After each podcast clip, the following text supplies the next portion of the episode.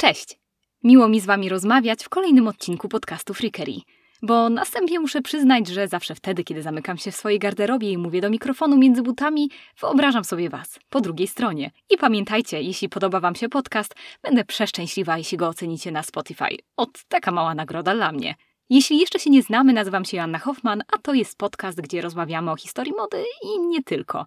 Spragnionych obrazów, kolorów i masy modowych zdjęć zachęcam do odwiedzenia kanału na YouTube, gdzie raz w miesiącu pojawia się nowy odcinek. Kiedy ktoś rzuca hasłem bogactwo, przyznam, że sama mam przed oczami raczej ostentację i być może nawet dozę złego gustu. To interesujące, bo od kiedy zmieniła się struktura społeczna, a rozrastające się miasta zaczęły żyć z nowo powstającej gałęzi przemysłu, na noworyszowską chęć manifestowania pieniędzy spoglądały z wyższością majątki gromadzone od pokoleń. Jedni chcieli za wszelką cenę manifestować fortuny, inni niekoniecznie. Dziś porozmawiamy o tym drugim podejściu, o zjawisku odmienionym w internecie już chyba przez wszystkie przypadki o quiet luxury, czyli cichym luksusie. Ale ja mam tutaj do dorzucenia trzy grosze albo pięć. Więc jeśli chcecie dowiedzieć się, co z quiet luxury ma wspólnego Japonia i hip-hop, o tym już za chwilę.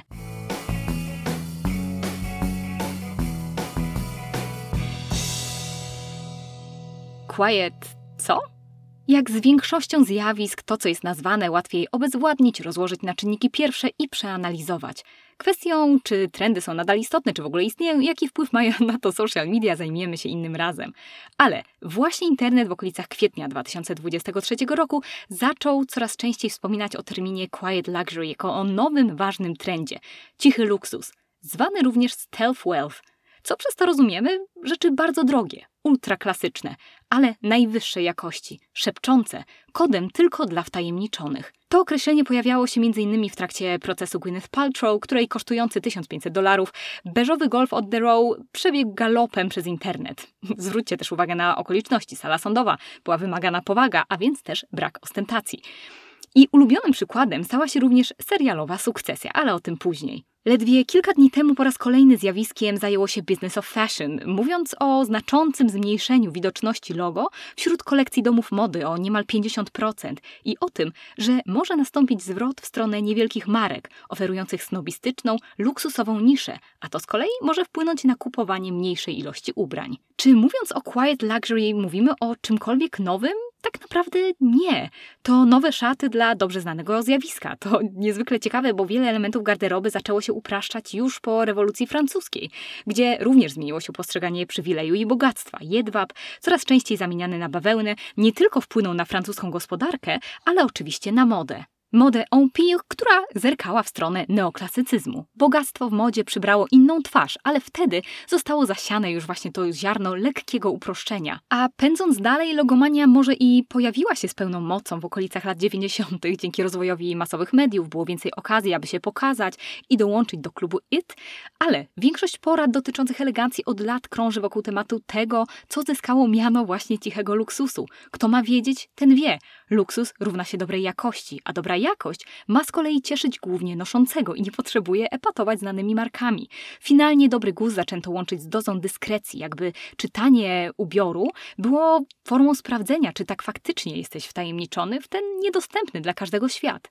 Cytuje się nawet tego, którego ma się za głównego sprawcę uproszczenia męskiej garderoby, czyli Bramella, Czyli prawdziwa elegancja to bycie niezauważonym. Tutaj doza bezczelnej autopromocji zachęcam Was do odcinka o męskich spódnicach, gdzie o tej postaci mówię nieco więcej. Mówi się, że po każdym globalnym kryzysie przychodzi potrzeba dającego komfort poczucia dobrze zainwestowanych pieniędzy, czego cichy luksus może być oznaką.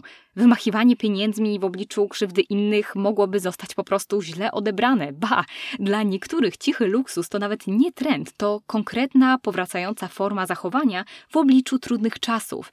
I pierwszym objawem był więc w niedawnej przeszłości 2008 rok i kryzys finansowy. Nie bez powodu tak często mówiono wówczas o Phoebe Philo w Celine. Teraz mamy równie, jak nie jeszcze bardziej niepewne czasy i mamy też quiet luxury. Przypadek? Nie sądzę. Przepis na bogactwo. Dlaczego cichy luksus właśnie teraz stał się modny? Albo inaczej.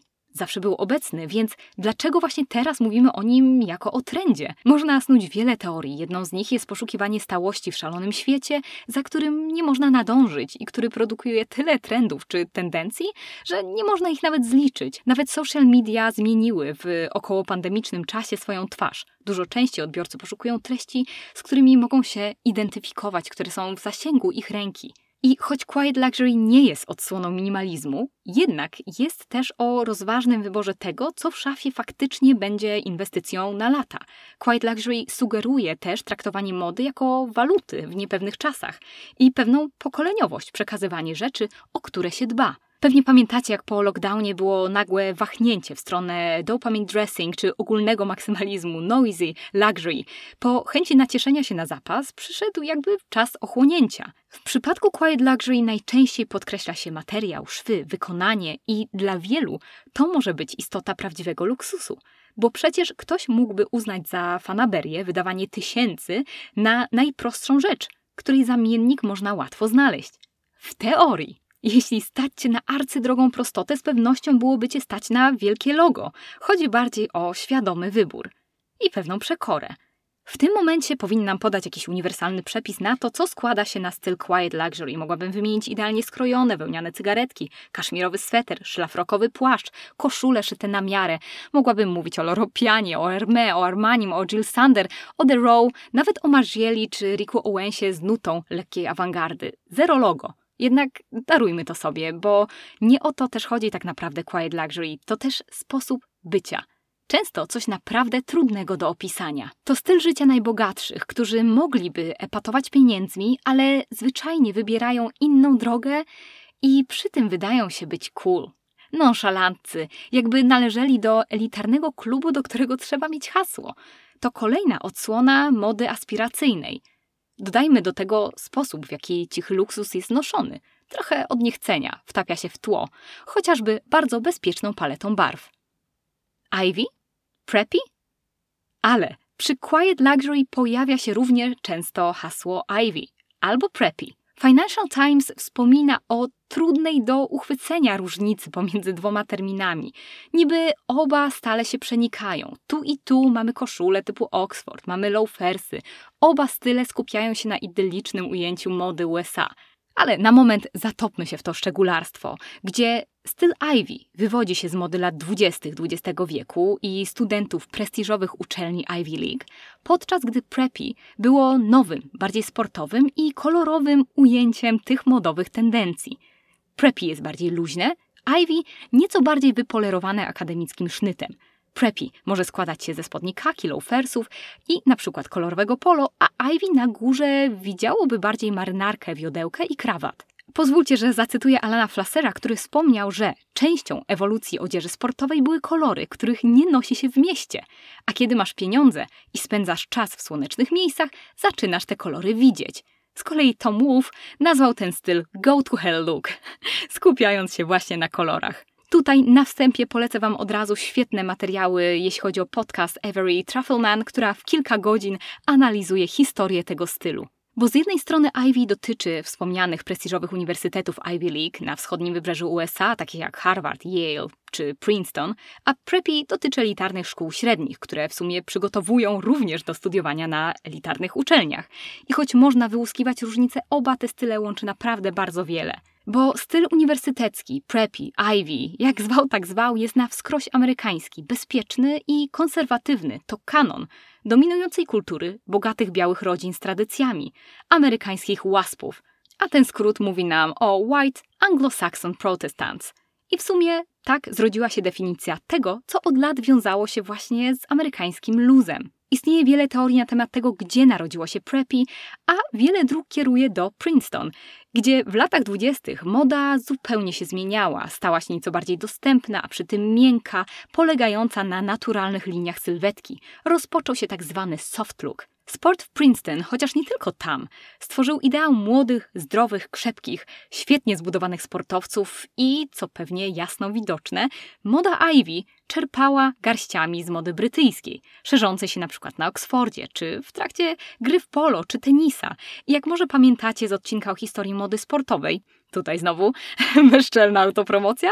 E, o tym mówię szerzej w osobnym odcinku, o tym właśnie temacie. Sport często traktowano jako rozrywkę dla elit wymagającą odpowiedniego stroju i sprzętu. I na początku wieku ta coraz mniej formalna moda stała się po prostu tożsama ze stylem preppy czy też Ivy. Była bardziej luźna, chociaż wciąż zachowywała dozę elegancji. Warto też tutaj dodać, że częścią stylu preppy czy też Ivy stała się płynność pomiędzy szafą męską i damską. Początkowo to właśnie stanowiło o tej świeżej sile rażenia, kiedy kobiety swobodnie pożyczały sobie ubrania od mężczyzn. Mówił o tym na przykład magazyn Life z 1949 roku. Ralph Lauren od lat 70. stał się cesarzem preppy.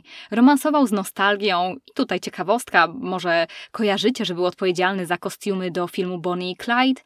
I właśnie ta biała arystokracja, tradycja, pieniądze, to wszystko podkreślały jego reklamy, spełnienie amerykańskiego snu. Nostalgia za czasami ułożonymi, za porządkiem, za tak naprawdę idyllą, która nigdy nie istniała, za amerykańskim mitem – dawał wrażenie wizji życia w zasięgu przez ubrania. W latach 80. powstał humorystyczny The Official Preppy Handbook, który mówił o tym, jak wyglądać, gdzie chodzić, co robić, żeby być naprawdę preppy. Princeton było w książce uznane jako bastion tego stylu. I w ogóle od okolicy lat 80. mówi się, że preppy jako termin, określenie stylu było już w powszechnym użyciu.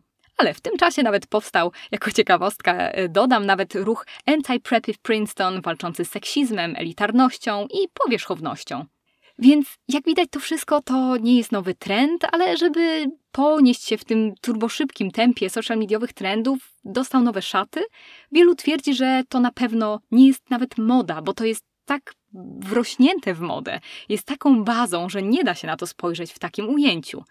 Preppy Ivy to coś, co przez dziesiątki lat kojarzyło się z westchnieniem. Ach, wtedy to były czasy, teraz to nie ma, kiedy wszystko miało swoje miejsce, szczególnie jeśli stoi za tobą tona pieniędzy. Ale był jeden niezły twist, a nawet dwa. Japonia.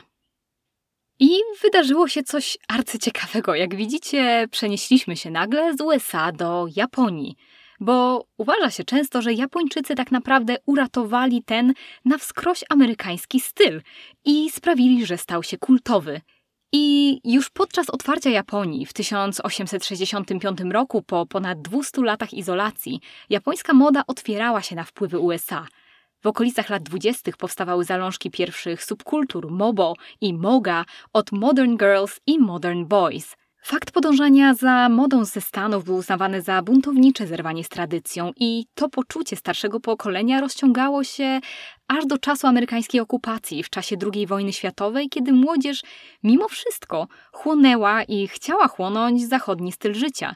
Setki tysięcy amerykańskich żołnierzy w Japonii przez niemal 7 lat, połączone z niezwykłą siłą rażenia nowego bohatera Hollywood – rebelianta, skłóconego z życiem w stylu Brando i Dina, zrodziło nowe potrzeby odbiorców. Tiffany Godoy, amerykańska felietonistka, pisze: Japończycy zasadniczo przestawili się z kimon na zachodnie ubrania. Młodzież lat 60. jako pierwsza przyjęła modę okupantów. W roku 63 The Beatles grają swój pierwszy koncert w Japonii. Te wydarzenia poruszyły pokolenie otwarte na wpływy Zachodu, patrzące w przyszłość ale uważa się, że za wzrost zainteresowania stylem preppy w Japonii powinno się w największej mierze podziękować Kensuke Ishizu, który chciał przenieść to, co zobaczył w amerykańskiej modzie, na japoński grunt. Podszedł do amerykańskiego stylu jak do działania matematycznego. Rozłożył go na czynniki pierwsze, patrząc na styl studentów w, we wspomnianym zresztą Princeton. Skoro nosiła go elita, był łatwiejszy do sprzedania na nowym gruncie. Ishizu założył Men's Club, czyli magazyn, który dokładnie wyjaśniał co do joty każdy detal stylu, który z natury był bardzo luźny. Ale nie jest to dziwne, że właśnie w ten sposób operował, bo było to coś zupełnie nowego w Japonii, to był jasny przepis. I teraz kolejna rzecz. Książka z 65 roku, kolejny kamień milowy, jeśli chodzi o Quiet Luxury czy Ivy i Preppy, o tytule Take Ivy – która wpłynęła na popularyzację stylu Neo Ivy wśród Japończyków, a przy tym stała się kultową pozycją, biblią dla fanów. Ta japońska pozycja przeanalizowała styl obecny na amerykańskich kampusach i prezentowała w niby zwyczajnych ujęciach białych amerykańskich studentów. To konserwatywne stroje i detale, które chyba tylko ktoś z zewnątrz mógł zauważyć, typu wow, nie noszą skarpetek. Książka stała się analizą stylu amerykańskich elit, a właściwie po raz pierwszy ujęła, tak wiecie, w formie poradnika styl tych pięknych i bogatych. Bo oczywiście chodzi o styl, ale nie tylko, o ten wspomniany już sposób bycia, który miał w sobie nonszalancję, podwinięte rękawy, narzucone na ramiona swetry, podwinięte chinosy i cała reszta, która jest dla nas teraz tak jasno rozpoznawalna, że w ogóle nie budzi może naszego zdziwienia. Tu trzeba też dodać, że Japończyków uważa się za prawdziwych królów Amerykany. Egzemplarze vintage czy nowe marki w retroestetyce są na niesamowitym poziomie. Wspomniana Godoy dodaje też, cytuję, ten archetypowy wygląd preppy stanowi idealną równowagę pomiędzy stylem a funkcjonalnością i nadal inspiruje marki. Jest to powtarzająca się cecha w kulturze japońskiej i nawiązuje do wabi-sabi, prostoty i piękna w niedoskonałości. Dla niektórych nawet Uniqlo jest wariacją na temat stylu preppy. Hip-hop Wspominałam już, że logomania nie wzięła się znikąd. Narodziła się z rozbuchanej estetyki lat 80., orgiastycznej konsumpcji obrazów, globalizacji rozpędzającej się w latach 90., zupełnie jak w czasach rewolucji industrialnej, rewolucja cyfrowa to nowe fortuny i chęć pokazania: hej, ja naprawdę mam pieniądze. To też możemy wiązać z kulturą hip-hopową, gdzie logo zajmuje ważne miejsce. I właśnie wtedy Właśnie w latach 80. i 90. Preppy zostało uratowane po raz drugi przez hip-hop. No i teraz słuchajcie, Preppy miało nawet swój gang, Lowlifes, znani również jako Polo Ralph Lauren Gang, czyli dzieciaki, dla których właśnie Polo, promujące w swoich kampaniach Prestige Elite, stało się symbolem mody aspiracyjnej i namiętnie rzeczy Lorena po prostu kradli. A że ulica też dyktuje trendy, moda na preppy niosła się dalej.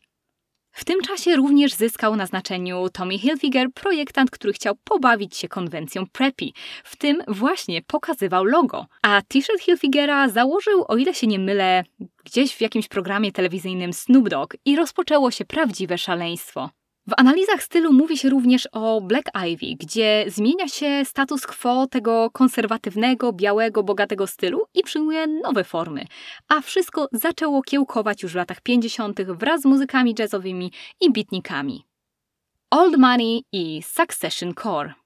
Zmierzając już do końca odcinka, jest jeszcze jeden social mediowy trend, mianowicie old money, który też czasami przyszywa się do zachowawczego luksusu i elitarnego preppy. Na zdjęciach najszerzej uśmiechają się niemożliwie piękne białe pary i faktycznie to stereotyp old money ze względu na możliwość zbierania kapitału pokoleniowego, który nie był dostępny dla wszystkich. Punktem wspólnym jest prestiż, elitarność i nonszalancka niedostępność. Tylko teraz taką estetykę można po prostu stworzyć, bez majątku w szafie i na koncie. Niektórzy łączą pojawienie się mody na ten rodzaj estetyki z poszukiwaniem wygodnej ignorancji w świecie pełnym nierówności, jako formę eskapizmu do pięknej bajki. Nie bez powodu mamy na przykład renesans serialu Plotkara, a przy tym modę na seriale kostiumowe. Tak, na drugim końcu bieguna. I w ten sposób dochodzimy nawet do jednego z moich ulubionych seriali wszechczasów, czyli do sukcesji. Oczywiście, social media mają na to termin Succession Core, który też się wiąże właśnie z Quiet Luxury. I Michelle Matland, odpowiedzialna za kostiumy, pomogła stworzyć wyraziste postacie, bo to właśnie one grają pierwsze skrzypce. Ubrania nie są kolejnym aktorem, jak na przykład w Seksie Wielkim Mieście – Ubrania są komunikatem luksusu, cichym, a jakże. I spójrzcie nawet na finał. Roman ma nagle na sobie dziecięcy t-shirt z Walmarta i jak pisze New York Times, cytuję, być może najbardziej wymownym aspektem tego, co TikTok nazywa Succession Core, jest to, że ujawnia uniwersalne pragnienie, by wyglądać na bogatego, co jest przeciwieństwem tego, jak bogaci ludzie chcą być postrzegani. A żeby to podkreślić, scena, w której Tom Wemsgang skrytykuje wielką torbę Burberry, stała się niemal viralowa. No i cóż, wygląda na to, że to tyle w tym odcinku podcastu Freakery. Mam nadzieję, że pomogłam Wam nieco ułożyć tę układankę ze stylu preppy, Ivy, Stealth Wealth, Money, e, Quiet Luxury i Succession Core i znaleźć w tym wszystkim wspólny mianownik. Miło było podjąć Was wirtualną herbatą i jak zawsze jestem ciekawa Waszych opinii. Miejcie się wspaniale i do usłyszenia lub zobaczenia w kolejnym odcinku.